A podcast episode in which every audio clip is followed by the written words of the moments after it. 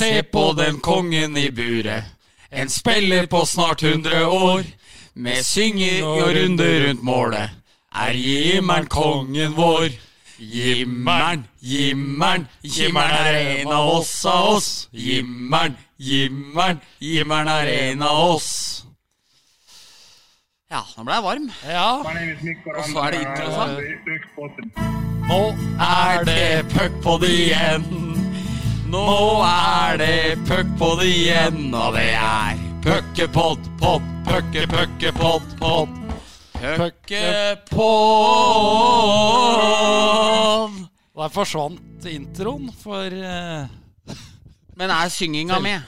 Ja, for telefonen min ringte. Det var akkurat det som ikke skulle skje. Ja, ja, det, Men det skjedde. verdens mest busy mann. Da blir det sånn. Ja, Vi tar den, men vi, vi kom oss helhjerta i mål her. Vi er fornøyd med det. Så blir det som det blir. Som det blir. Det er ikke noe annet å gjøre. Vi er jo her på Lørenskog og besøker eh, en av eh, de største keeperlegendene nasjonen har fostret. Men vi skal starte med en ny spalte som heter Puckpodden beklager Vi har fått kritikk av Lars Nikolaisen for at han eh, fikk unngjelde litt i forrige pod. Han eh, etterlyste tilsvarsrett, og det får du ikke når du legger ut løgner på internett. Er det ikke sånn, Bendik? Det var harde ord med løgner, men eh, litt eh, feilaktige fakta. Så da har du ikke muligheten til det. Så puckpoden beklager altså ikke. Nei, det gjør vi ikke. Men tusen takk for at du tok oss imot, eh, Jim. Tidenes mestvinnende keeper i norsk hockey. Jo, bare hyggelig. Hyggelig å få være her, forresten. Ja, Ja. eh, det er jo for så vidt vi som er her, men vi, vi ønsker jo ofte velkommen selv om vi er på besøk. Ja, ja, ja. Og i store, fine podkaster så etterlyser man jo det å skulle skildre omgivelsene for å la liksom lytterne få et innblikk i det. Så når vi sitter her nå på et stort, flott uh, møterom med god avstand, vi fikk munnbind på vei opp gjennom her, og Jim tross alt er på jobb og sier at jeg får skru av telefonen nå, sånn at jeg, sånn at jeg har fullt fokus på podkasten, så, så er vi virkelig klare. Det er ordentlig deilig å være her. Ja, og det er, det er hjertet for podden som vi Ja. liker. For uh, Dedikert når du er med. Den Ja. timen her den bruker han til oss selv om han er på arbeid. ja, skal ikke Ja, være tilgjengelig Ja, når du ja, er på jobb. Nei, det Nei, trenger nei. du ikke å være. Vi starter ofte med en historie om eh, gjesten, og nå er det jo dessverre ikke Altså, du er med i historien, men du er ikke hovedperson. Vi, eh, vi skal komme mer inn på tida di i Storhamar senere i podden, men vi starter med en historie sendt inn av Remo Martinsen. Når eh, du i din tid ble signert, så så var det sånn at Remo, som vokta buret året før i det forsmedelige tapet mot Lillehammer, han eh, ble oppringt av Kjell Åge Jensen eh, med beskjed om at eh, nå skulle Storhamar satse på han. Så de lurte på om han kunne være med et år til. Og De hadde riktignok kjøpt inn én keeper til for at det skulle være litt kamp om plassen. Remo spurte jo da hvem, hvem er keeperen. Ja, det er Jim Martinsen, fikk en beskjed om, hvor Remo svarte ha-ha. Ring Svein Harald. Jeg har hørt den før. Det er jo et kompliment. Ja, ja, ja. Han eh, anså seg ikke som noe verdig konkurrent mot Nei, deg. nei, nei. nei da, Remo var bra, han, men, eh, men eh, han tok ikke opp hansken der. Det måtte hardere skyts til. Ja, det måtte det. Ja, men vi spoler tilbake til starten av hockeykarrieren din. For Bendik sa til meg på tur innover her, du, du starta å spille utpå, er det riktig? Ja, jeg gjorde det. Jeg spilte egentlig fotball til å begynne med. Jeg er jo født og oppvokst på Lambertseter, som var den første, største drabantbyen i Oslo. Og spilte fotball i mange herrens år og var sånn noenlunde grei fotballspiller. Så det ble sånn det midtpunkt der, da. Som gjorde at eh, de Og mange av de gutta spilte også hockey på vinteren. Så de ville gjerne at jeg skulle være med og spille sammen med dem, da. og Begynte ute, men eh, jeg hadde det altså Kombinasjonen av litt store skøyter og, og ikke stått noe særlig før, så var det å gå på lære. Og jeg, synes, jeg jo ikke, tok jo ikke dette i hele tatt, så jeg syntes det var dritkjedelig. Og så begynte en av gutta å si at jeg kanskje skal prøve å stå i mål, da. Altså prøve det, ikke sant. Og så blei det vel etter en par-tre treninger, så havna jeg i golden, og så Ja, så Det er liksom starten på historien, da. Mm. Og så begynte det å gå greit, og ja, etter hvert, da. Men Begynte Vålinga med en gang? Eller var det Nei, jeg spilte på Lambertseter. Vi Ja. hadde veldig bra. Vi blei jo altså vi ble skolemestere i både i fotball og hockey. Det var jo, som sagt, den første drabantbyen som var veldig mye unger, mye aktivitet. Så vi hadde veldig bra lag. Vi ble Oslo-mestere både i hockey. Vi slo jo liksom Vålinga skole i finalen. Uh, og kampen, og da var jo liksom hockeyen veldig bredt, eller bred, da, og de hadde jo mye bra spillere. Eh, så vi, jeg spilte jo der til jeg var ja, 17 år, tror jeg. Eh, Da var jeg kalt inn på landslaget, altså U16, tror jeg det er. U18 kanskje den gangen. Det var, jo, det var eldre og yngre juniorer, vel. Og så skulle vi til første Vi skulle til EM, tror jeg det het da den gangen. I Romania, Bucuresti, på eh, 70-tallet. Det var ikke noe, det var ikke noe å hige etter, for å si det sånn. Var det det? Var, det var jo stor, spennende for en ung gutt å, ja. å reise utenlands med Norge på brystet og sånn, ikke sant? Men det var, eh, det var eh, ikke bra. Det var eh, Hvordan ikke bra? Nei, altså det var jo, det var jo så østblokk som det gikk Ja, ja. an, ikke sant. Og jeg husker vi, vi hadde jo vært der nede lenge, og vi skulle, på, vi skulle få lov til å spise litt Det var jo ikke all verden av mat heller. Eh, og vi skulle få dra på det der SAS-hotellet inne i Bucuresti. Sånn internasjonalt uh, hotell, da. Og få lov til å spise hamburger en dag. Og vi hadde jo sett sånn fram til det. Når bussen kom utafor hotellet der, så, så uh, Når vi kom ut av, av bussen, så sto det jo fullt av folk som skulle deale penger med oss. Og vi skulle få så bra kurs, ikke sant. Og vi juniora, vi gikk jo på så det holdt. De penga hadde jo gått ut for, for mange hundre år sia, for å si det sånn. Ja. Det var ikke verdt ei krone. Så det, begynte, det husker jeg så veldig godt, at uh, vi blei jo bankrott alle sammen. Så Hadde ikke råd til hamburgeren. råd til hamburgeren. Den fikk gå på forbundet. Nei, og så I den forbindelse så, ja, så kom jeg, var jeg da på juniorlandslaget, og da blei jeg jo interessant for de litt større klubbene. da. Så jeg, jeg var jo først, husker jeg, og prata med Harseløren. De var jo store da på den tida. Det var jo Hasle og Vålerenga som kanskje var de to største klubbene. Og så var jeg vel nesten på vei til eh, Jeg husker de hadde, de hadde de hadde noen eh, av lederne der som jobba på standard telefon og kabel. Som da Hele Hasle var vel egentlig der sånn. Jeg fikk jo tilbud om jobb der, og jeg begynte jo egentlig i jobb der. Men uh, i mellomtida så var uh, Vålinga på banen, da. Så Og det var jo med, med makkeren som mange har hørt om i Vålinga. Det var jo onkelen min den gangen. Og, og han eh, Det skulle ingen i familien hans som skulle til Hasle Løren. Så da var det bare å ta på seg Vålerenga-drakta, da. Så sånn blei det at det blei Vålerenga da, Ja. i 75-76, tror jeg. Det var det første året. Og da rulla, da rulla pucken videre. Da rulla pucken videre. Jeg kom jo inn øh, Den gangen var det jo Det var sånn generasjonsskifte i Vålerenga. De hadde jo vunnet Var det ti år eller noe sånt da, på 60-tallet? Ja. Dette var i 75. Det, det var jo Mik Arne Mikkelsen, Steinar Bjølbakk uh, Ja, you name it. Det var jo mye stjerne, mye landslagsspillere den gangen. Men de var jo begynt godt over 30 og, og um, uh, ja, var på tampen av sin karriere, da. Så vi var vel ikke noe sånn uh, spesielt uh, gode det åra der som jeg kom inn. Nei. Vi lå sånn midt på tre. Det var jo, det var jo før playoff kom den gangen. På 70, det play, første playoffet kom jo i 1980. Okay. Og da var det jo sånn dobbel serie med ja, ti lag da, som spilte 18 kamper. Og så var det de seks beste gikk til sluttspill. Og de fire dårligste spilte jo da nedrykk eh, sånn. Så der kunne jo, Det var jo aldri sånne kamper. Så der kunne det være norgesmester to runder før slutt og sånn. ikke sant? Ja.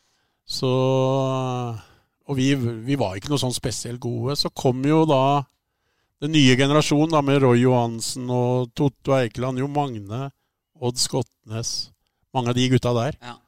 Så det tok jo noen år på 70. Jeg spilte vel en fire-fem år før, uh, før jeg liksom blei norgesmester første gangen. Ja. Så vi, uh, vi sleit litt til å begynne med.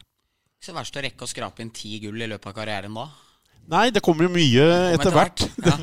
Det kommer jo mye etter hvert. Jeg var vel den første av den generasjonen der da, som, som kom inn. eh, og så spilte vi. Så kom det jo Roy, tror jeg, året etter. Så kom jo Magne, Totto Eikeland og den gjengen der. Og så begynte vi å, å, å begynne å ta for oss, da. Ja. Så vi var jo i finalen første året det var playoff mot Furuset, øh, og røyk der. Og så røyk vi året etterpå mot Stjernen, tror jeg, i 81. Og så ble vi norgesmester første gangen i 82, da. Ja. Og da hadde jo liksom vi blitt etablerte. Da var det jo den nye generasjonen som hadde begynt å ta tak i det. Her, eh, apropos det, jeg har en, uh, hørte en artig historie om han eh, Jon Magne Karlstad her på Doset sin pod. Uh, at han hadde hatt en uh, yngre backpartner med seg, Neka, som hadde spurt Jon Magne hva skal jeg gjøre. Ja, Bare ikke gå i veien. ja, ja. ja. Ja, det stemmer det. Det var, det var ikke mye hjelp å få så mye når de hadde blitt etablerte og var oppi der. Da breiale, da. Da var de breiale. Da var det, da var det ikke så lett å komme bak oss, for å si det sånn. Nei. Jeg veit Donald også hadde en sånn på vei til Hamar eller Lillehammer. og sånn, og Da var det Rune Rune Syversen, som er nå hovedsponsor i Vålinga. Han også var jo kom, var ung og kom opp der. og Han også, han også hadde den derre med Han satt i bussen etter spillemøte på vei opp til Jeg tror det var Hamar. Også. Han var jo ivrig og jeg tror han skulle debutere i den kampen. Ja. Og han fikk jo samme beskjeden av Donald. altså. Bare ikke fly i veien, så blir dette bra. Dette. så Nei da. Ja, altså noen år eh, senere, her, slutten av eh, 80-tallet, så gikk jo ferden til eh, Trondheim. Ja, Hvordan havna du der? Ja, det var eh, Jeg hadde jo da Vi blei norgesmestere da i 82, 85 Jeg tror det var 87, 88. Og da hadde jeg hatt en 13 år i Vålerenga. Og var eh, Og så hadde jeg begynt Jeg tror jeg hadde blitt Jeg hadde blitt par og 30 år. Så jeg tenkte Den gangen så var det jo sånn nesten at du ga deg når du var ja, 3-4-35. da. Så jeg hadde jo ikke så lang tid igjen. Men det var eh, Lasse Beckmann som eh, ringte, og han hadde jo flytta til Trondheim da. Eh, og skulle, de skulle jo skape et bra miljø der oppe og bra lag. Det blei det jo for så vidt også. Så da dro jo jeg oppover dit.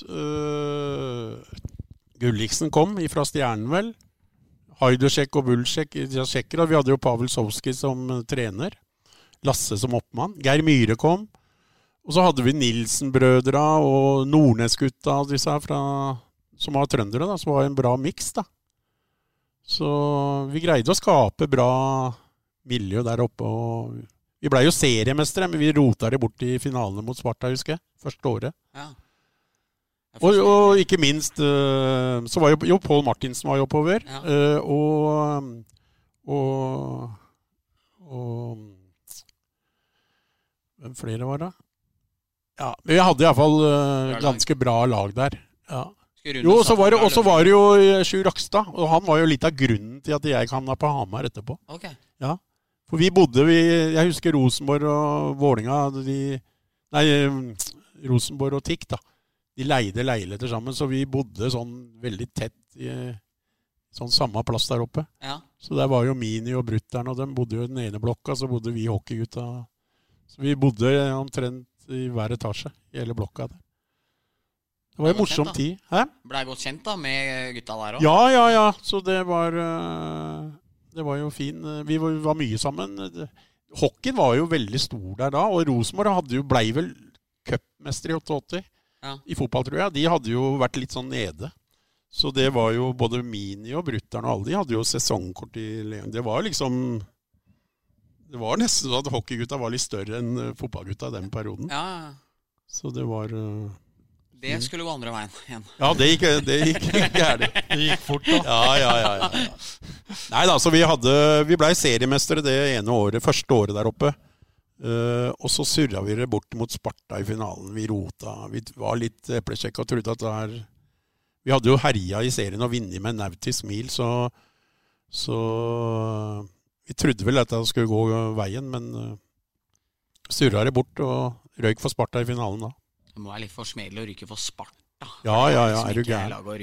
Ja, nei, det var ikke det. Jeg husker det var eh, Jeg husker det var en sånn eh, Det var eh, Geir Myhre blei så gæren for at eh, han måtte Lasse sende ned i, ned i garderoben. Og så han måtte bare få roa seg litt ned. Ja. For det blei en scoring der som Steffen Foyn var utvist. Og de boksene i Sparta de var litt sånn derre utvisningsboksene. Du kom, når du kom ut der, så kom du nesten ut innafor blå. Ja. så, og de får et pass, husker jeg. Og så Steffen kommer. Jeg, jeg øh, er jo sikker på at det skal blåse av, og det tror jo hele TIK-laget. da.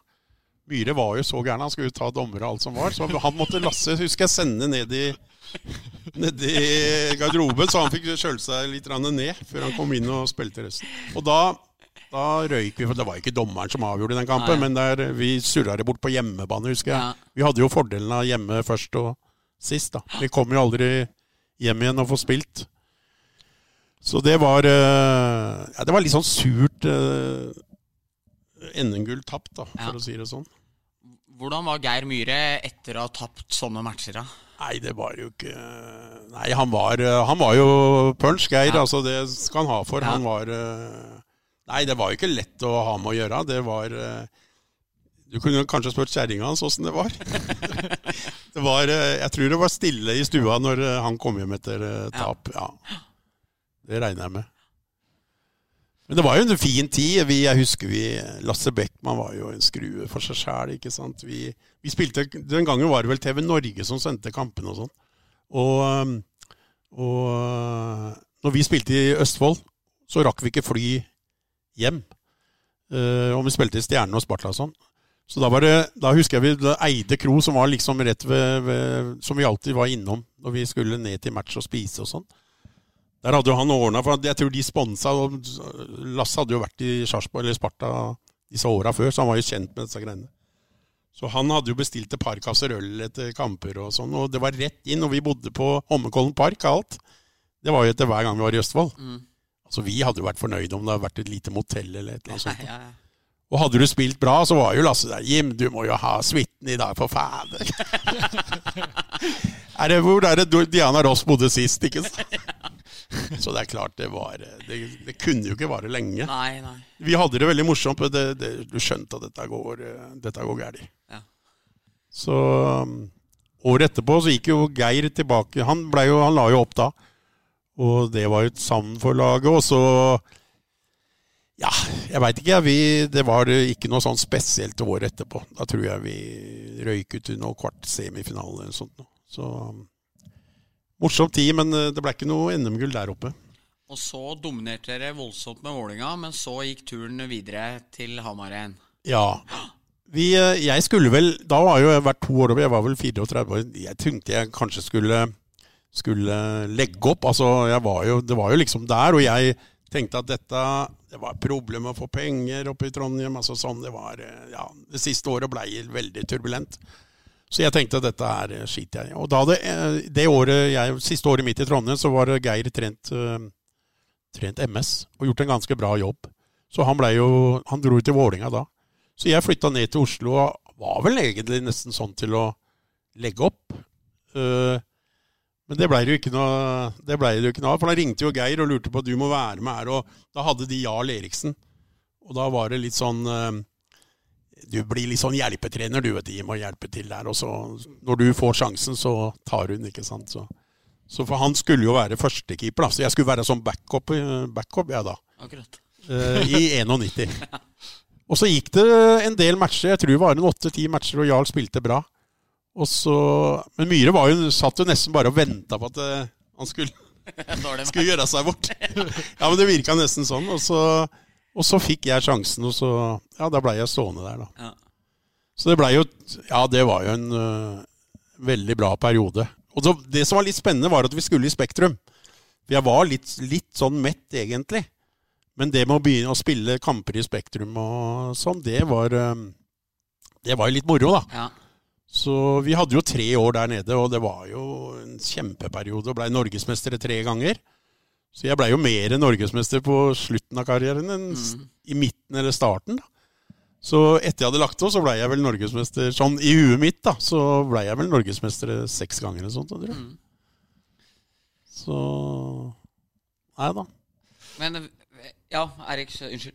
Ja, nei. Kjør du, Bendik. Nei, eh, vi hadde jo Finn Paulsen med i podkast her eh, forleden, og han fortalte det at eh, etter 94 så da var det slått fast at nå må Stramar ha enda bedre keeper. Hadde landslagsspillere i alle rekker og alt mulig, Ja. men det ble ikke noe gull. Eh, så fikk jeg en innsidestory i går om at eh, om at du ble jo signert under VM i 94. Ja. Men eh, den overgangssummen på 30 000 kroner, siden du var eh, ansett som veteranspiller, var jo noe da Sturhamar måtte betale for at du kunne løses fra kontrakta. Ja. Eh, og at det var ikke lov å signere spillere før 1. mai, så du skal da ha blitt signert på pub natt til 1. mai fem over tolv. Stemmer det? Midt under VM? Ja, det var vel på en serviett, tror jeg. Sånn, det var ikke en ordentlig kontrakt, men eh, Nei da, det var en litt sånn morsom historie, hele den derre Det var Det var altså Vi spilte de tre, åra i Spektrum, og så var det tilbake til Jordal igjen. Det var jo ikke sånn som det var nå. Det var å ha med seg bagen hjem, og det var altså tungvint. Og vi der nede blei vi litt sånn Det var veldig fint der nede å spille, da. Så det var en nedtur å dra tilbake til Jordal. Og da var det liksom Nå er det, nå er det liksom slutt, da. Dette var jo da i 94. Så jeg tenkte jeg OL og VM nå, og så er det vel Så er det liksom greit, da. Eh, Vi hadde jo vi hadde jo, Det var jo for dyrt å spille i Spektrum, så vi måtte jo tilbake til Jordal. Lillehammer og, Storhamar var jo finalene. Vi ble jo slått ut av Lillehammer i semien, husker jeg. Ja. Og så så var det, jeg, I ettertid av Trondheim-tida så var jeg mye sammen med Sjur Rakstad og var på Hamar med Tommy Larsen. og Vi hadde noen grillfester og litt sånn. Så blei det vel en i løpet av noen kvelder nevnt at jeg kanskje skulle prøvd Storhamar. og Det hadde vært moro, det. Så jeg føler at eh, Jeg husker vi hadde spilt OL på Lillehammer. Så lå vi på treningsleir på Jordal. Eh, så bodde vi nede i Rosenkransgata på det hotellet nede der. Husker jeg sto ute på gata der, og da, da ringte Finn. Og da tror jeg det var Sjur Rakstad som hadde nevnt det at eh, For da hadde jo dere, altså Storhamar ryke i mot Lillehammer, da. Ja. Av lillebror. Det var jo nedtur så det holdt. Ja. Og da var jo jeg Da skulle vi til VM, og så begynte ballen å rulle litt der, og så tenkte jeg 38, skal jeg dra opp dit nå? jeg har jo lagt opp for fem-seks år siden. Eh, og så jo, ja, begynte ballen å rulle, og jeg prata mye med Finn og Storhamar og Kjell Åge og ja. Og så, og så dro vi til VM i Canasei. Og gjorde det ganske bra der nede òg. Jeg husker vi spilte mye bra matcher mot Tsjekkia, og vi hadde uavgjort mot Sverige og Tsjekkia. Og, da, var jo, da var jo Finn med de turene med den delegasjonen sin med support, nei, sponsorer og sånn, Ja. husker jeg. Han hadde jo den hvert år, egentlig. Og så møttes vi en, eh, en eh, kveld eh, Ja. Og da blei det vel sånn Vi skulle jo hjem og skrive kontrakt, da. Ja. Men da blei det vel sånn på. Servietten. At dette, nå har vi en avtale, liksom, og sånn, da. Så Men signerte du for tre år med en gang? Når Nei. du var 38? Nei, nei, nei, nei. Du tok ett og ett? Du tok Jeg- nei, jeg- Thoresen. jeg- var ett og ett år av gangen? da Du, jeg, jeg tok to år. Du gjorde det, ja? Ja, jeg gjorde det. Jeg veit ikke Jeg vet ikke hva som skjedde, ja, men jeg hadde jo lagt opp hvert år. Men jeg, jeg gjorde det. Jeg skrev en toårskontrakt. Jeg tror, jeg tror Storhamar ville det at det har litt sånn Ja. Ja, ikke bare sånn der for det ene gullet, liksom, og Siden de hadde ryket da i 94. ja. Så, ehm, så jeg skrev en toårskontrakt, ja.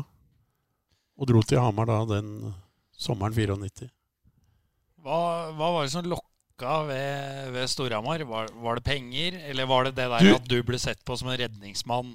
Ja, det Den var siste puslespillbrikka? altså, det var vel Jeg hadde jo forhørt meg litt om folk som hadde vært på Hamar, og det var jo strukturert ordning. Altså, jeg var vant til Vål- Mm. Vålinga og, og Tikk, og det var jo det var hyggelig, altså, det var jo det, men det var mas om sjas om å få lønninger i hver måned, og det var det var, så, Om det ikke var så penga alt, så var det det å bare oppleve noe nytt, egentlig. Altså, Skulle jeg fortsette, så måtte jeg ha gjort noe. Ja. Jeg hadde ikke greid å vært på Jordal i tre år til. Nei, nei, nei. Så det måtte skje noe med karrieren din. altså Du måtte få et sånn kick i baken. Så det var jo Og så var det jo Fikk jeg høre at det var mye bra der oppe, og strukturert. Og, og så var det jo vært moro å kunne vært med å vinne den første med Storhamar, da. Når den røyk året før, ikke sant. Og jeg, sånn uten å være breial, så følte jeg Jeg også så ordet trykka igjen. Mm. Så jeg følte at jeg kunne bidra der. Uten å være for eplesjekk. eplekjekk. Så Nei da, så det var eh, Det var liksom eh, starten på Hamar-tida, da. Det var det. Og så var det jo, som jeg skrev på Twitter i går, at jeg satt og romsterte i H-arkivet, og når du sitter oppå målet på Urdal på 2. april eh, 1997 så forteller jo du historien om storyen bak den dagen med det, med det ikoniske bildet av deg med deg, Sasha og Pål Johnsen når dere har vunnet tre av tre gull og du har gjort jobben din, eh, Jim. Det hørtes ut som du hadde litt av en oppladning til den siste matchen òg. Ja, det var, eh, det var litt spesielt. Jeg, eh, jeg kan jo ta starten. Når vi, når vi flytta til Hamar, så f- havna vi på, leide vi et hus oppe ved Børstad gård. På oversida. Jeg husker ikke hva gata er, men jeg var jo nabo, nærmest nabo til Pål Jacobsen. Ja. Husker du hva gata der het? Nei, jeg, jeg er elendig på gater. Ja, ja, jeg òg, ikke sant. Men vi blei eh, Så Pål og jeg, vi blei jo veldig Han hadde jo vært i Vålinga. Vi hadde jo vært på noe sånn Den gangen så var jo Vålinga én klubb når han var der på 80-tallet og sånt. Så vi hadde jo treffes litt før. Men det var jo veldig hyggelig at vi havna så nærme hverandre. Så jeg var jo vært sett veldig mye på HamKam fotball med Pål, og var jo mye der nede. Så vi trivdes veldig bra der oppe. Uh, og bodde der da Vi hadde den i, leide den i to år, da, for den kontrakten. Så vi trivdes uh, veldig godt og hadde en kjempefin tid. Altså angrer ikke et sekund på at vi gjorde det. For det, det må jeg virkelig si. Mm. Og når du kom til klubben der, du merka at det var, øh, det var Alt var på stell, og du fikk lønningspose på den- den 20. Den lå på plassen din, og skjønte jo, skjønte jo ingenting. Nei. Her stemmer jo alt. Det var nytt. Så, ja, det var helt nytt. Så ja, og, men den, ja, den siste, den, det var litt sånn også rart, for jeg tenkte Det siste året der så husker jeg sa det at eh, da skjønte jeg at det var eh, Nå er det slutt. Det var sånn dimmelenke, husker jeg, når vi runda nyåret. Og da, og da øh, hadde jeg bestemt meg for at nå er det Nå skal vi hjem. Ja. Og så etter de to første åra så ble det jo, var jo Finn på og lurte på om vi kunne ta et år til. Og da var den leiligheten, det huset der borte så, på Børstad, det, ja, det kunne vi ikke leie mer. Så vi havna på Hamar Vest. I rekkehus der nede, helt ved bånn på Hamar Vest der. Så, så mester Sotta så ned på meg, og det var jo det var jo greit. Det var ikke bra å flytte overfor han. Nei, nei, Det var bedre at han så ned på Ja, meg. mesteren skal Hadde jo det. på alle. Ja, ja, ja. Ja, ja. Altså, jeg hadde, Ja, ja, ja. vi, jeg, eh, vi fant ut det at uh, vi har respekt for den karen, ikke sant? Så, og da hadde vi leid den leiligheten til 1. april, og det var jo den eh, dagen før vi skulle spille finalen. Så vi hadde jo pakka sammen og, og eh, ja, tømt leiligheten og fått ting inn tilbake til Oslo. Hadde, hadde noen eh, småting igjen i sportsbua der, husker jeg. Så når vi trena da dagen før kamp, så dro jeg hjem til Oslo, og så lånte jeg en sånn Toyota Highers-greie. Og kjørte opp til den på matchdagen til Hamar. Og bort til sportsbua fylte opp den bilen, og så bort til ishallen. Kjørte som morgentrening ja, 40 minutter. Så opp i iskroa og ta en lunsj, og så dro jeg nedover til Oslo igjen. Og sto på Jordal når bussen kom nedover, da, så det var jo liksom ikke akkurat den beste oppladninga sånn å hvile eller være klar til match. Da. Men altså, jeg hadde Jeg var så tent på at det, dette skulle gå bra, da. Ja. Så da, jeg kunne, tror jeg flytta fjell jeg den dagen. Og fortsatt stått der. Og Så, og det, det som var eh, Jeg husker det at eh, jeg, Og det var Jeg tenker på det i ettertid, kanskje litt sånn eh, provoserende for Vålerenga-supporterne og sånne ting, da. Men jeg tenkte det at den siste matchen, da skal jeg sette meg på gården. Det hadde jeg tenkt på lenge. ja. Så, så får jeg muligheten til det, så, så skal jeg gjøre det. Og så var vi i angrep, og de hadde tatt ut målvakt, og vi styrte jo liksom de siste sekundene. Så det blei jo liksom kanskje de siste ti sekunda jeg Ja. satt oppå golden der. Så. Og det blei jo veldig provoserende sånn i ettertid, da. Men eh, jeg hadde bestemt meg, jeg var fornøyd, så det Ja, Det er et fett bilde. ja, ja. ja. Jeg er uh, fornøyd, jeg. Men eh, ja, for da, da redder du 33 av 34 skudd, og dere vinner 4-1. Og i HA så er det jo alt handler om deg, i min eh, kjære avis. Så, og da er det når resten av gutta setter seg på bussen og skal hjem og på blytung skjenk, da skal du tilbake Nei, da skal du bli igjen i Oslo, for du skal på frokost-TV dagen etterpå. Så det høres jo ut som at da hadde du vunnet nok, og det ikke var noe farlig å feire lenger. Nei, det var jo det tiende, så jeg, Ja. hadde, jo, jeg hadde jo vært på Hamar og feira to år før. Og jeg husker, jeg hadde jo ikke, altså Leiligheten hadde jo vi tømt, og alt sånt, så jeg husker jeg Finn sier at ja, men Jim, bli med opp, og vi, vi ordner et hotellrom på Victoria, eller ja. Astoria eller et eller annet sånt. Og så, men jeg var, jeg var veldig sliten, husker jeg, når jeg satt i garderoben etter den kampen. Da var jeg altså Jeg hadde brukt mye energi i forkant med å tømme leiligheten og den matchdagen og alt sånt, da. Så jeg var altså så mett og fornøyd, jeg, så jeg uh, sa nei, den får dere Det er jo bare tre av deres. Ja. Så Nei da, ja. Det blei ble en liten feiring i Oslo, da. Ja. Så. Eh, Det er jo, eh, som kjent, har jo vært til tider litt betent mellom Storhamar og, og Vålerenga. Og, og du blei jo kanskje et godt symbol for Vålerenga-fansen, sammen med noen andre navn, eh, på Vi får kalle det kapitalismen som rådde på Hamar eh, på, på starten av 90-tallet. Eh, Hvordan var det å, å møte Vålerenga-supportere etter, etter du gikk til det som etter hvert ble erkefienden? Nei, altså Det jeg hører i ettertid, er jo den der situasjonen med å sitte på Golden. og det var liksom, De tok jo det for litt sånn håning, da. Ja. Men det var jo liksom planlagt i huet mitt for lenge siden. Ja. Jeg syns det passa greit. Jeg hadde stått der i ja, par og tjue år i den der ligaen og, og avslutter med tre gull. Hadde jo lagt opp for fem-seks år siden. så, så det var sånn passe greit. Men ellers så Nei, altså jeg jeg, må si jeg hadde en utrolig fin tid på Hamar. Angrer ikke et sekund på at jeg dro. Og de får mene akkurat hva de mener om det. Eh, de var, jeg vet jo at uh, styret i Vålinga var jo veldig med skjær i spissen, og Erik Lorentzen, og det var jo bitterhet så det holdt. Mm. Jeg husker jo de fikk jo verdens beste keeper hvert år, dem. Ja. Etter jeg dro. Jeg leste jo i avisen hele tida, og det var så motiverende. Det var så deilig å lese. Ja. Nei, Nå hadde de henta han svensken og han amerikaneren, og det, var, det, var, det har aldri vært så god keeper i Vålerenga. Nei. Deilig. Så det, og det var jo en kjempemotivasjon til meg. Ja. Altså det, var, det var sånne ting jeg huska på når jeg dro ned i de tunge matcha på Jordal. Mm. Det var ikke mange matcher vi tapte på de, altså seriekamper heller, de åra der, altså. Det var uh, helt utrolig hvor mye vi vant. Det var, Storhamar var jo kjent som et nestenlag eh, før du eh, eh, gjorde entré. Og eh, det, gjorde du noe grep sånn i garderoben? Sa noe velvalgte ord altså for å få på plass det man kaller vinnerkultur? ja, jeg, jeg veit ikke hva jeg gjorde. Vi hadde jo mye bra spillere, sant skal sies, altså. Med Sasha og Petter Salsten og Nordstrøm og ja, Goba var jo inn der, og det var mye bra.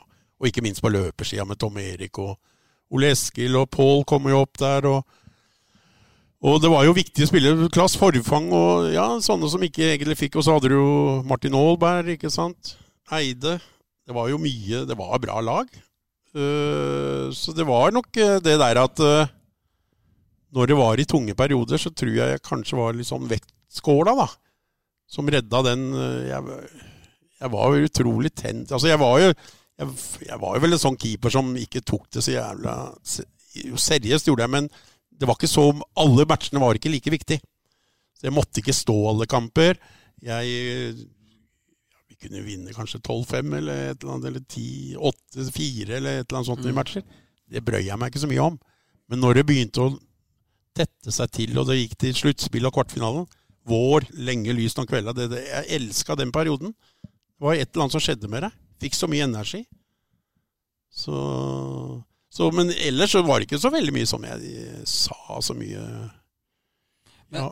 Åssen var det i løpet av de åra? For det var jo en hendelse på Jordal som gjorde at eh, Petter Thoresen gikk fra å være spiller til å være trener. En som Ja. hadde vært ung mens du eh, hadde spilt, liksom. En som er eh, yngre enn deg, og som kom opp når du var etablert. Åssen var det å bli trent av han og liksom sånne tinga? Du, jeg husker den der episoden så veldig bra. Det, den den treninga når Petter skulle ta over, da husker jeg sånn. Og da Det var vel Ja, det var, var det første året, eller var det andre året? Er ikke det første året ditt? Var det andre? Jeg husker ikke. Nei, Men jeg husker så veldig godt at uh, vi kommer til treninga, og Petter Petter er jo Ja, Petter spiller første året. Ja. Ja, det er andre Det er året. 96. Ja. Det er andre året. Ja, ja. For han Ikke er, sant? han er med og spiller spiller når dere vinner eh, mot Stjernen. Ja, jeg tror det var andre året Ja. da, sånn, når dette med Sjøbæren og Ja. ja. Og da husker jeg den første treninga, og da husker jeg Da hadde jo Sjur Rakstad var hjelpetrener. Og da For jeg, jeg, Vi hadde jo vunnet året før, og, og Petter var jo, han var jo fersk, han, og selv om han Mm. har vært med på mye. og sånn, så, så Da husker jeg jeg kom til garderoben, og så, så han var så svett i hendene. Han var så nervøs. Ok. Ja, det husker jeg. Trodde det. ikke han var det. Nei, altså det, jeg også ble litt overraska over det. Og han ja, for han var jo, Da husker jeg jeg sa til meg Slapp av, dette her ordner du, og dette Vi skal vinne igjen. Og jeg var litt sånn der eh, selvsikker og Men jeg husker jeg tok den i hånda og liksom gratulerte ham. Han jo, og han sa det sjøl, da. At han var jo gjennomsvett. Så det var jo ganske Jeg tror det var en sånn uh, tøff uh, Men han tok jo det på strak arm. Ja, ja. Så, men jeg eh, Nei, altså jeg hadde jo respekt som, på Petter som spiller, og det var samme hvem som trente meg. Ja. Altså, den gangen så hadde du ikke noen keepertrener. Altså, du var jo overlatt til deg sjæl. ja, ja. Du, alt gjennom åra har du Nå har jo hvert lag en keepertrener, og du blir jo dulla datta med. Og, ja, ja, men, så vi var jo litt sånn på vingen. Men det er klart at jeg var jo med og prøvde å bidra mest mulig med den rutinen jeg hadde, da, i forhold til å hjelpe Petter i gang òg. Så han fikk jo en bra start, han, på karrieren. Du er ikke overraska over at han eh, ble den treneren han ble? Nei, nei, nei. nei altså, han er jo, var jo typen, men det er klart det, det, Selv for han så var jo dette litt sånn, sånn eh, over natta, da. Mm. Fra å sitte og høre på trenerdagen trener den ene dagen, og så skal du stå midt i garderoben. Og det var jo en del uh, greie folk som hadde noen meldinger der. Og, altså Som kunne slengt en melding. da. Ja. Altså Vi hadde Ole Eskil, Tom Erik, det var mye rutine. Erik, Martin Aalberg. altså Det var jo mye bra spillere som han skulle begynne å liksom Og meg, altså Å begynne å dirigere, da. Så Men han har jo tatt det på strak arm, Ja, ja, men. så det er moro. Eh, Du var jo inne på altså Du sa jo at eh, dere var jo selvfølgelig seriøse i det dere drev med, men eh, det var jo en annen tid enn hva det er å, å spille i toppserien nå. Og da har vi lyst til å ta opp et lite rykte fra 90-tallet. For dette husker jo ikke jeg og Bendik noe av, men eh, det er et rykte om at hvis du møtte opp litt tidlig til kamp i, i det som den gang het Hamar OL-amfi, så så kunne du hilse på Jimmeren og Sasha der de sto med prinsen mellom ishalla. Ja, stemmer det. Vi hadde jo, vi hadde jo Bak garderobene så hadde jo vi, vi eh, et røykerom. Sasha røyka vel nesten bare når eh, han var på trening, tror jeg. Jeg tror ikke han, jeg røyka jo hele tida. Men vi hadde, jo, vi hadde jo Høydehuset, som vi kalte det, bak der. Som uh, Kjell Åge og, og matriser og alt ordna for oss, da. Så vi uh, Og det var jo sånn når vi dro på bortekamper, hadde vi med sånn der eh, bord som vi slo opp, som vi satte opp inni dusjen og sånn, da. Så jeg kunne sitte der, og Sasha kunne ta oss en sigg. Jeg, jeg gjorde et intervju med han på La Perla på Hamar, Hamar Vest en gang, på Mega en gang. Og så, så sa han at jeg ikke fikk lov å skildre at han røyka. Så sa jeg at det tror jeg er byens absolutt dårligst bevarte hemmelighet uansett, Sasha. Så det, det går nok helt fint. Ja. Men, eh, men gjorde du dette under hele karrieren? Røyka du mens du spilte hele året? Nei, hele livet? Ja. Hockeylivet? Ja. Jeg slutta når jeg la opp. Gjorde du det? Nei, er- altså, jeg røyka vel litt etter det, men nå har jeg ikke røyka på 10-15 år. tenker jeg. Så, nei, det var, jo, det var jo sånn, altså. Det var jo det var seriøst, og det var treninger, og det var jo ikke noe slurv på den. Men det er klart ja, Verden har jo gått framover. Det er jo ikke, folk røyker snart ikke lenger. ikke sant? Så, så idrettsfolk gjør jo ikke det i dag. Men- Men det var jo sånn Nei, for det, er jo en liten eh, story, jeg vet ikke. Det er jo en liten vandrer som går her. Men eh, sant? alle spillere som har vært mye benka, har jo liksom blitt takla og så mista litt smågodt ut av buksa, eller hva det er. ikke sant? Det er jo en klassiker man har gjort. Men ifølge eh, kilde jeg har, så hadde du vært ute i pausa og tatt deg en sigge under en match, og så fått det litt travelt med å putte prinsen bak i buksa. Så når du hadde vært ute i spagaten i andre pæraen med supporterne bak deg, så plutselig så hadde det kommet et par sigaretter som eh, lå inne i målgården. Er det riktig, eller? Nei, altså det, det, tror jeg, det, det tror jeg ikke. Men jeg har, en, jeg har en historie om akkurat det. Og det var, eh, det var i Ole Albertville. Vi spiller mot russere, og vi får så hatten passer. Og da er det jo Magne Karlstad. Han eh, også røyka. Vi var, I Vålinga så var det vel nesten mer folk i dusjen enn det var i garderoben. Tidlig på 80-tallet. Ja. Ja, da var, det, da var det mange som røyka. Men vi var i Ole Albertville og, og øh, spiller mot russere der sånn. Og da da er det jo Magne som får Da var det Fisken, tror jeg, som var trener for oss. Uh, Da går han inn og, og eh, Det som var litt rart, var jo at trenerne aksepterte jo den perioden der òg. Hvis du hadde sånn en, så var det greit, liksom. Hvis det gjorde det bra for deg, da. Å finne den roen og For det var jo litt sånn å finne roen for at du skulle ut og produ, altså, være på alerten i neste periode og sånn. Uh, eh, og da hadde jo Magne putta lighteren sin inn i hansken. Og Jo Magne var jo en kar som sto opp, og, og da, den hadde han glemt å legge av da i, på plassen sin. da. Så han tok med seg den ut uten å vite det. Og han var jo en mann som takla og sto på mye.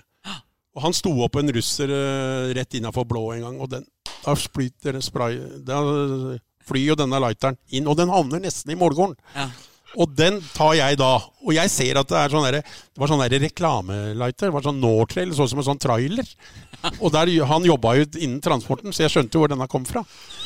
Så jeg kjører jo da med den der spaken min, og sånn, og da legger jeg den inntil, inntil eh, snøen ved sida av stolpen. Ja. Og så går det noen minutter eller to, og så er det en dropp i vår sone. Så kommer dommeren, og så ser dommeren den der eh, lighteren. Eh, Da han tar opp den og går rett til sekretariatet, da. Og da, uten at jeg eh, kan akkurat fransk, da, men eh, skjønte jo det at eh, de oppfordra publikum ikke kaste gjenstander på isen. ja. Så den, den, er, den har jeg vært med på. Du på. Men jeg kan ikke si Men altså, nei, jeg tror ikke jeg har mista noe sneiper. Men den er ikke så lang fra denne her, da. Det er rått. En annen spesiell ting i åra dine i Storhamar var jo at eh, du spilte jo på lag med din egen sønn. Det er ikke så mange som uh, får oppleve. Nei. Vi blei jo norgesmestere sammen. Jeg tror ikke det er blitt noen som er uh, verdt det. Ikke som jeg veit. Nei. Det har vært brødre og sånn som er uh, ja. ja. De kom vel andre året, Morten Fjell og han og Ja, når Pål Johnsen kom opp og Pål kom vel opp det første året mitt, tror jeg. Ja. Ja, ja da. Jeg har et, eh, Dette kunne du sikkert verifisert i arkivet, men jeg, jeg tror jeg har et barndomsminne om at jeg har lest eller blitt fortalt da, at eh, du var veldig streng på at han ikke fikk kalle deg pappa i garderoben.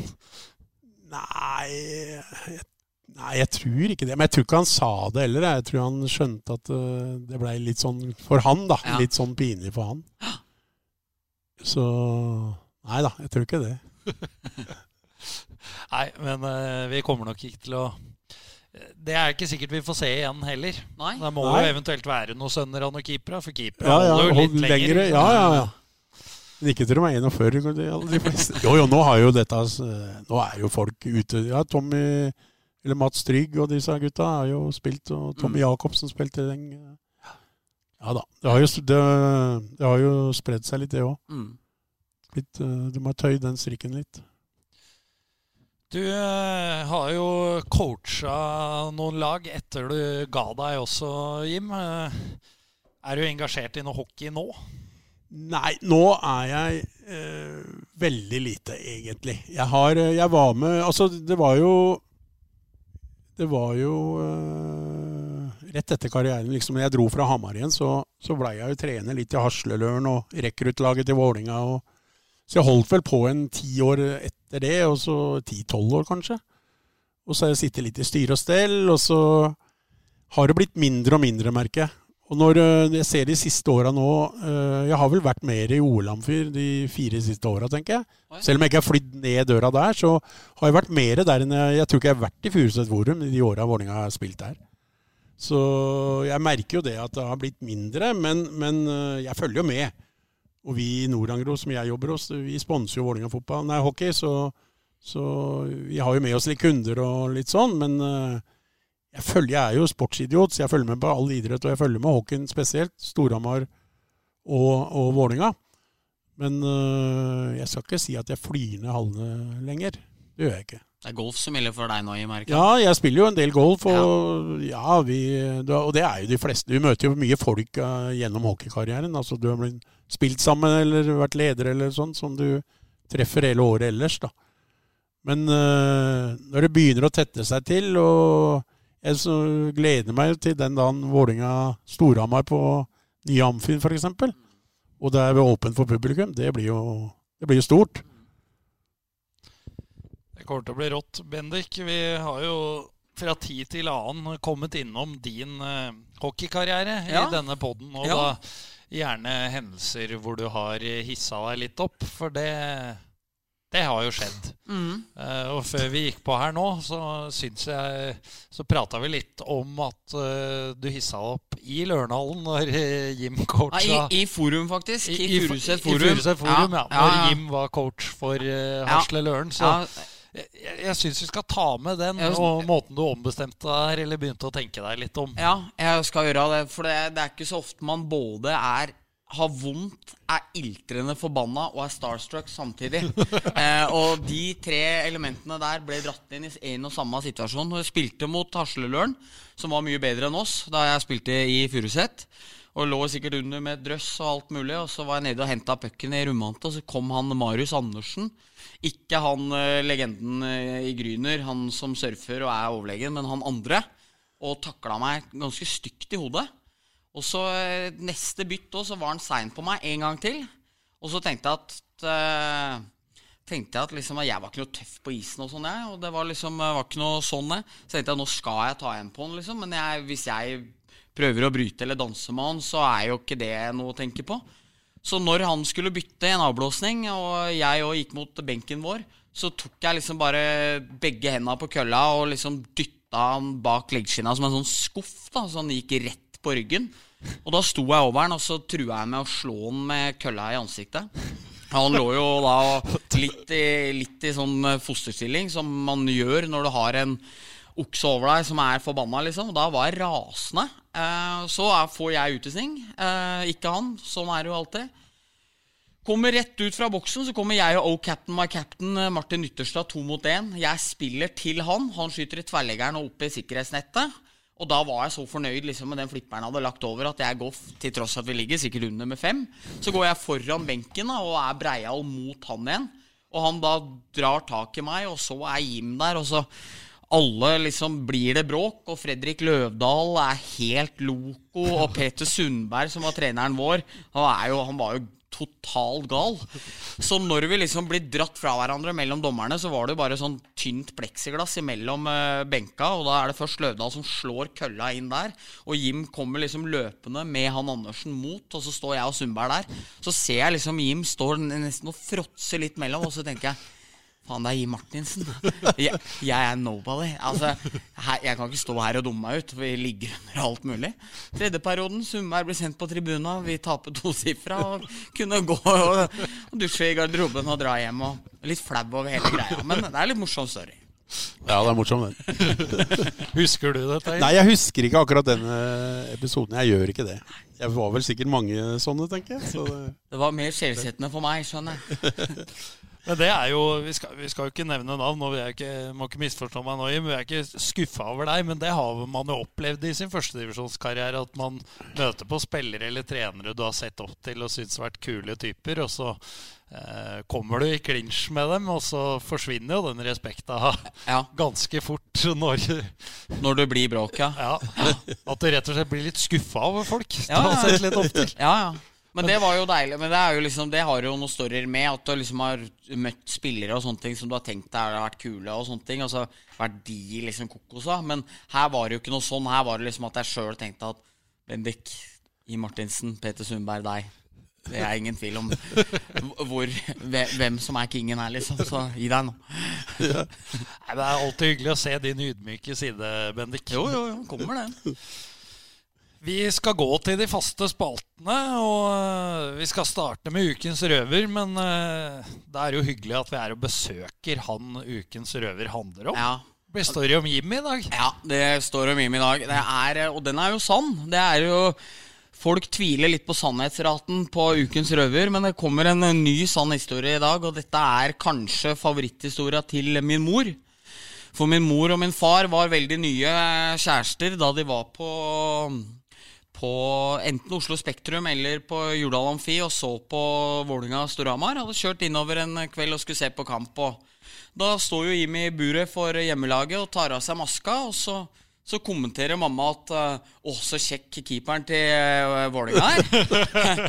og så var pappa Nei, det har jeg hørt at det er ingen på ordninga som er, sier han. liksom. Det liksom, Mamma sier det, han liksom har alltid vært veldig lite sjalu, så hun blir sånn overraska. Nei, nei, jeg har fått inntrykk at det er ingen damer som syns at noen på Vålerenga er kjekke, liksom.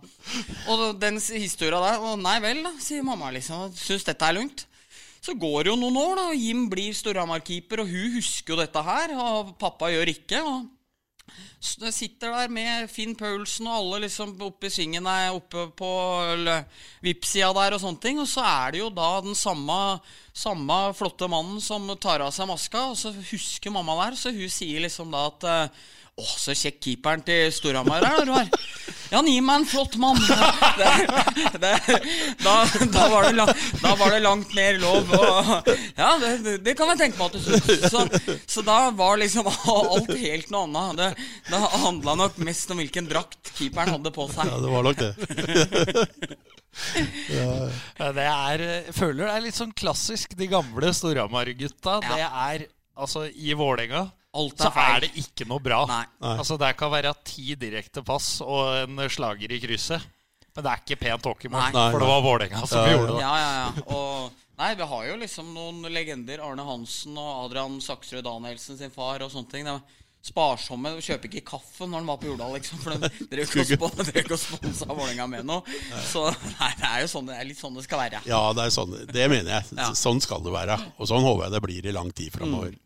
Storhamar og Vålinga skal være konkurrenter, og så Og supportere, ikke minst. Ja. Skal Det er viktig. Ja. Men det er jo samme greia oppe på Lillehammer. Eh, Det er jo flere supportere som sier det at dem reiser ikke på match på Hamar. Nei. Fordi billettpenga de går i kassa til Storhamar. Ja, ja, ja. Og da, da er det viktigere å unngå enn eh, Å støtte å støtte laget. laget sitt. Ja, ja. Det er en vurdering du må gjøre. Ja. Ja. Da syns jeg den hybriden at da får du heller dra dit og ikke bruke noe ekstra, er den aller beste. Jeg ringer Jarl Paulsen, da. Ja, ringte Jarl Paulsen. Det er jo kanskje noe vi egentlig burde tatt inn i sendinga. Ja. For det, han har jo sine historier, han òg. Men vi får eh, kjøre videre. da, Fortsette med de faste spaltene. Jim er som så mange gjester før Nei, nå dessverre- ringer Jarl til meg òg. det er sønnen til Finn. Han Ja, ringer, ja, ja, jeg jeg ring- ringer rundt og forteller usanne historier. ja, ja, ja. Nå har han opphengt han Aladdin på Maxi. Så Er det det da? Sikkert, ja, sikkert det som skal prates om. Han han ringte meg i forrige uke når jeg satt på digitalt trener 1-kurs. Ja. Eh, og Da sendte jeg melding, for jeg hadde ikke mulighet til å ta den. Og eh, lurte på om det, hva jeg kunne hjelpe den med. Det var selvfølgelig ingenting. Skulle bare ringe og røve. Ja. Det var svaret. Skulle slå i hjel litt i. Men det jeg prøvde å si, da var at eh, Jim, som så mange gjester før han, er, har fått beskjed i litt uh, dårlig tid. Har fått litt kort tid på seg til kaktus og kvast. Men uh, vi prøver, og vi kan jo starte da for å inspirere litt, kanskje, Bendik. Ja, Du og jeg, altså. ja, Skal vi starte med kvast ja. i dag, Det kan vi gjøre. Ja. Da skal jeg begynne, da. Ja. Ja, eh, Da skal jeg gi min blomsterkvast til eh, min eh, kollega Arve Blystad, som malte gulvet med meg nede på paddelen på søndag. Altså, det var så rundspilling. Jeg tenkte liksom Arve er eh, over 20 år eldre enn meg og liksom hadde gått to mil på ski på formiddagen der og sånne ting. Så tenkte jeg sånn at dette Kanskje jeg må legge inn ei lita økt på tampen her nå, siden jeg driver og slanker meg. liksom, At dette blir enkelt. Det Aldri løpt så mye noensinne, og ble totalt rundspilt. Så en liten shout-out til eh, min venn Arve. Fortjent, Ja. hvis, eh, hvis han har spilt skjorta av deg. Ja, ja, ja. Skjorta og shorts og jakke og alt. Det var ikke i nærheten. Ja, eh, det er jo begynner nesten å bli litt trist eh, at eh, vi stadig kommer tilbake til dette, men det er jo litt artig òg. Ja. Min kvast den går til Dima Smirnov, eldste sønnen til Sasha. Sasha. Det er rett og slett Bendik, du har jo et horn i sida til Rema 1000. Ja, ja, ja. Og det har vi jo fått uttrykt i klartekst gjennom diverse podder. Eh, nå forrige helg benytta du anledningen til å rose Kiwi, eh, selv om det mellom linjene var et stikk til Rema. Nei, det var ikke det. var ren ros til Kiwi. Men uansett, eh, lillebror Valera Smirnov han jobber jo på Rema, fikk jo ros i forrige pod. Men storebror Dima skal få kvast for at han tok den muligheten når du rosa Kiwi, På Twitter, til, ja. til å gå inn på Twitter og knallhardt sage Rema, som hans egen bror jobber uh, hos. Og rett og slett si at det er mangel på spilleforståelse i Rema 1000-kjeden. Og det, det syns jeg er flott å se at uh, blod det er ikke tjukkere enn vann i familien Smirnov. Nei, fordi For nye lyttere så er jo den kritikken her at jeg syns Rema for ofte har for få folk i kassene. Og jeg tror jo da, i motsetning til Dima, at jeg tror ikke på landsbasis at de Kiwi-ansatte har mer spilleforståelse enn de på Rema. Jeg tror det her går på bemanning. Så jeg tror nok at Dima er nok ikke 100% på puck her. Men vi setter allikevel stor pris på å få støtte i kampen mot å få flere folk på jobb på Rema. Ja, for det er jo enkelt for Rema å rydde opp i dette her. Det er bare å ha folk i kassene. Ja. For dem som er der, gjør en kjempejobb. Det er bare at de er jo ikke der. Ja. Nei, vi er enige om det. Jim, hvem skal få rosa av deg? Ja, hvem skal jeg gi kvast til, da? Jeg, får, jeg tenkte Jeg har lyst til å gi Finn Paulsen en kvast, jeg. Ja. For at han fikk opp øya og tok den telefonen i 94. Det må jeg si. Det, de tre åra på Hamar har vært, eh, betydd mye for både meg og, og Isabel kona. Vi trivdes så veldig bra der oppe og ville ikke vært foruten. Så den eh, går til Finn. Det er hyggelig. Ja. ja. Det er eh, fortjent, det. Ja. Eh, fantastisk, er det vel eh, jeg pleier å Ja, si, ja, ja. Bendik. ja. I Ja. denne, denne anledning er det jo det. Ja. Da går vi til kaktusen. Det gjør vi. Vær så god. Ja. Eh, nei, det er, det er jo lite hockey å sage. Nå er vi inne på Rema-kasser, og vi er inne på ting og tang her, men eh, må vel eh, gi en eh, liten eh, kvast, tenker jeg, i sakens anledning. Jeg leste et intervju med Jim her om at han hadde takka nei til å være med på Kjendisfarmen et år nå. Du hadde sett deg sjøl i speilet og mente at du var for gammel. Jeg var for gammel. Ja, du var for gammel. Og når jeg ser åssen mange av disse kjendisene som jeg tidligere har tenkt at er bra folk, holder på en på der, så tenker jeg at det er mange som må være mye mer selvkritiske til Ja. om de bør være med på det programmet. Ja, jeg er helt Jeg enig. Egentlig stort sett eh, pleid å skygge unna, for jeg syns det er for mye influensere og rør og drit de drar inn der. Men i år virker jo for meg som at influenseren hun Anniken Jørgensen, Anjor, er jo snart Hæren En eneste normale som er der. Altså, det er han, Thomas Felberg, jeg har elska han fra dag én. Jeg har sett han på TV. Jeg får helt sjokk hvor paranoid og gal og, og sånn han fremstår i det programmet. Altså, og han slitsomme fra Ålesund altså Det er helt makeløst å sitte og se på hvordan folk eh, blir inni der. De er så konspiratoriske at det er, det er helt sånn QAnon-nivå, liksom. Så jeg tror flere burde gjort som Jim. Ikke fordi Jim trodde sjøl han kom til å bli en dårlig person der, men fordi man rett og slett bare må være litt sånn Er jeg ikke litt for gammel for å være med på det her? Og det tror jeg gjelder flere her i livet, altså. Ja, øh, men da bringer du oss inn på et punkt øh, jeg rett og slett har oversett her. For vi skulle jo komme litt inn på reality-karrieren til, til Jim. For du har jo vært med i Skal vi isdanse og Mesternes mester. Ja. Men uh, nå har du satt strek, altså. Ja, jeg, uh, jeg blei egentlig spurt om første året, eller de to første åra med Farmen kjendis, da. Uh, Men jeg som Det er litt i det, altså. Jeg skjønner Jeg tror ikke det blir så kul TV. Jeg tror til og med ikke mora di hadde syntes det var greit engang. Nei, nei, nei. Så, så nei, jeg skjønner Den tida er forbi. Men, ja. men Og så er det jo Det er blitt rart, hele det der konseptet der, syns Ja. jeg. Altså 'Mesternes mester' var jo Det er jo stort program. Faen, Det er jeg jo litt stolt av. På, du, du kom jo litt eh, langt nede ofte, så du måtte ut i noen nattester. Ja, jeg måtte ut da noen- kom keeperen våkna han. Da, Da kom, ut alle. da kom refleksene tilbake. Det var helt klart. Så det var jo det jeg redda meg ofte på. Jeg, eh, men det var jo, Og isdans også var jo en sånn spesiell, fin, morsom. Og så har det vært sånn Fire stjerners middag og ja, Fangene på fort og det greiene her. Det har jo vært eh, da har det vært mer konkurranse, føler jeg, enn en dette her eh, spillet som de holder på med. Men du, jeg må bare spørre nå, Jim. eh, Er det sånn, jeg har hørt et litt ubekrefta rykte, at 'Mesternes mester' i det kamerafolket går ut av huset, så renner det utslåtte deltakere inn igjen, og så er det full skjenk? Er det riktig? Nei, altså du, det, det, drar litt på den. ja, ja, det er eh, For å si det sånn, det, det, går, eh, det går litt eh, rødvin og øl Ja. etter kameraet er slått av Ja. på kveldene. Ja. Vi var jo på Malta Dette var vel andre året, for en ti år siden eller sånt nå. Ja. Så vi var jo i Malta den septembermåneden der, og det var godt og varmt Var som Ja, det var en kjempefin periode. Og Per Egil Halsen var en uh, fin, uh, hyggelig ja, ja. Så vi fant hverandre tidlig, og jeg må jo si det når, når øh, det var middag med litt vin og kos og alt sånt, så og kameraet gikk hjem på kveldinga, ja. så skal det jo Vi var liksom ikke de første i seng, Nei. Per Egil og jeg. Nei. Vi kosa oss eh, litt i ettertid. Så Nei da, det stemmer det. Det stemmer. Ja, det, det tok litt tid der, men ja. vi fikk bekreftelsen. Ja da. Ja, jeg syns jeg så på smilet der at hun kjente seg litt igjen i at Ja, ja. kanskje var litt sant. Ja. Så, sånn sett er det synd at det ikke var TV-sending. For Ja. da, da hadde folk sett det med en gang. Ja, ja, ja. Dette er sant. Ja, eh, for å rulle videre. Det er vel min eh, kaktus, da. Og da Det er jo en ting som har irritert meg en stund. Men uh, nå toppa det seg uh, nå i den tyske Bundesligaen. For uh, om det var forrige helg eller helga før, det er ikke så viktig. Men altså, det er dette der med fair play i fotball. At du skal spille ut ballen når folk er skada. Haaland utligner til 2-2 mot Hoffenheim, og det ligger en Hoffenheim-spiller nede.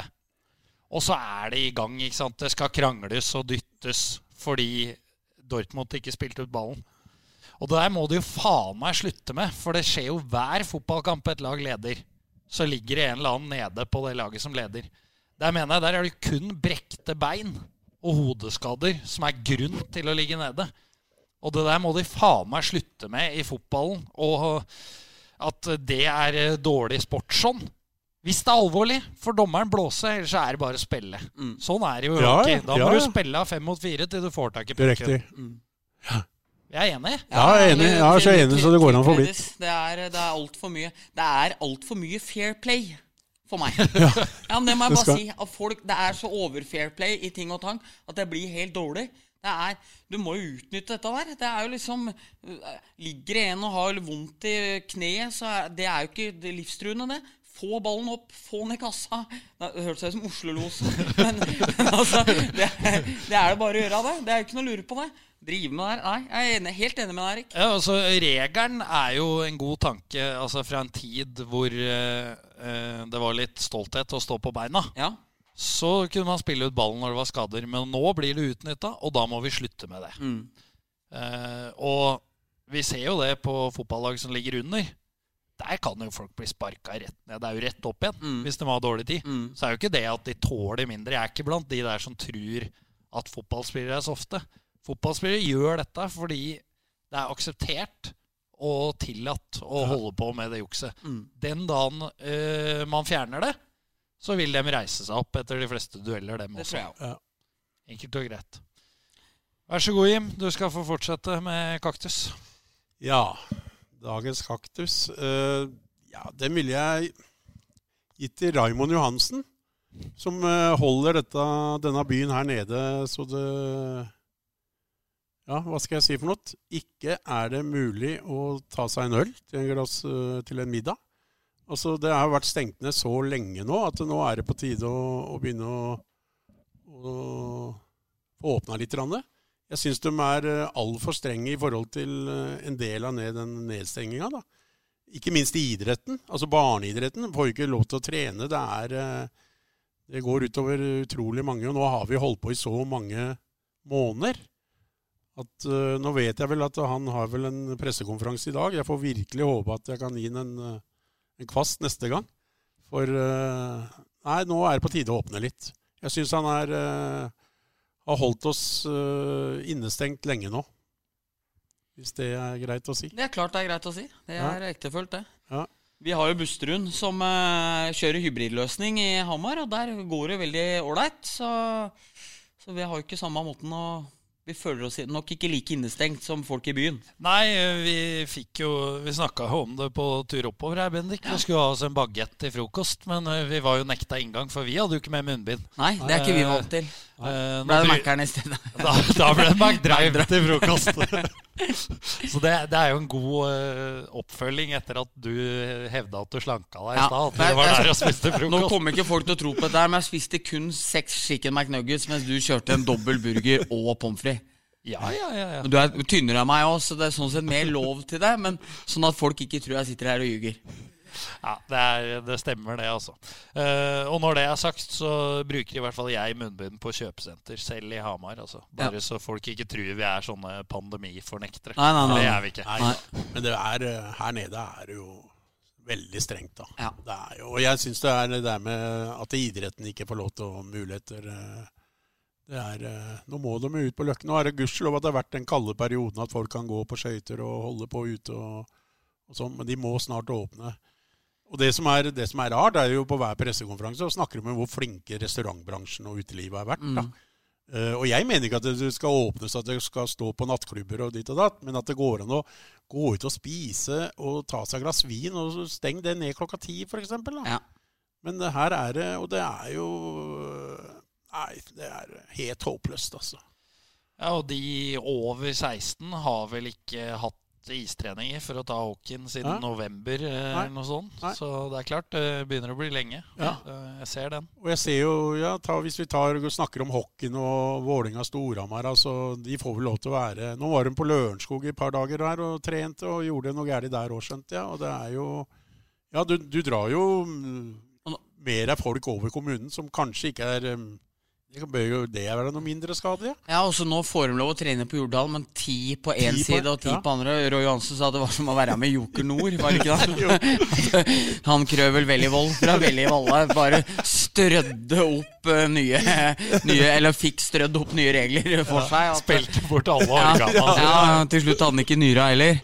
Så så får håpe det ikke skjer, da at de mister nyrene sine. Men jeg skjønner jo at det er litt Joker Nord. Det er liksom Spar Sparta, og jeg var jo gjorde intervju med Jøse på Mjøsa der, og så sier han det at nå i Sparta nå så hadde spillere måttet ut på Løkka og trent.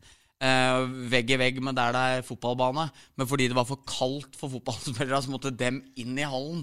Så utendørsidretten var inne, og innendørsidretten var ute. Så det er, det, er, det, er ikke, det er snart som de ikke skjønner noen ting lenger. Og i Stjernehallen trener dem vegg eh, Sparta kunne ha kjøpt is der hvis de hadde ville. Altså, nei, det, vi får håpe det blir normale tider eh, innen ikke altfor lang tid. Ja.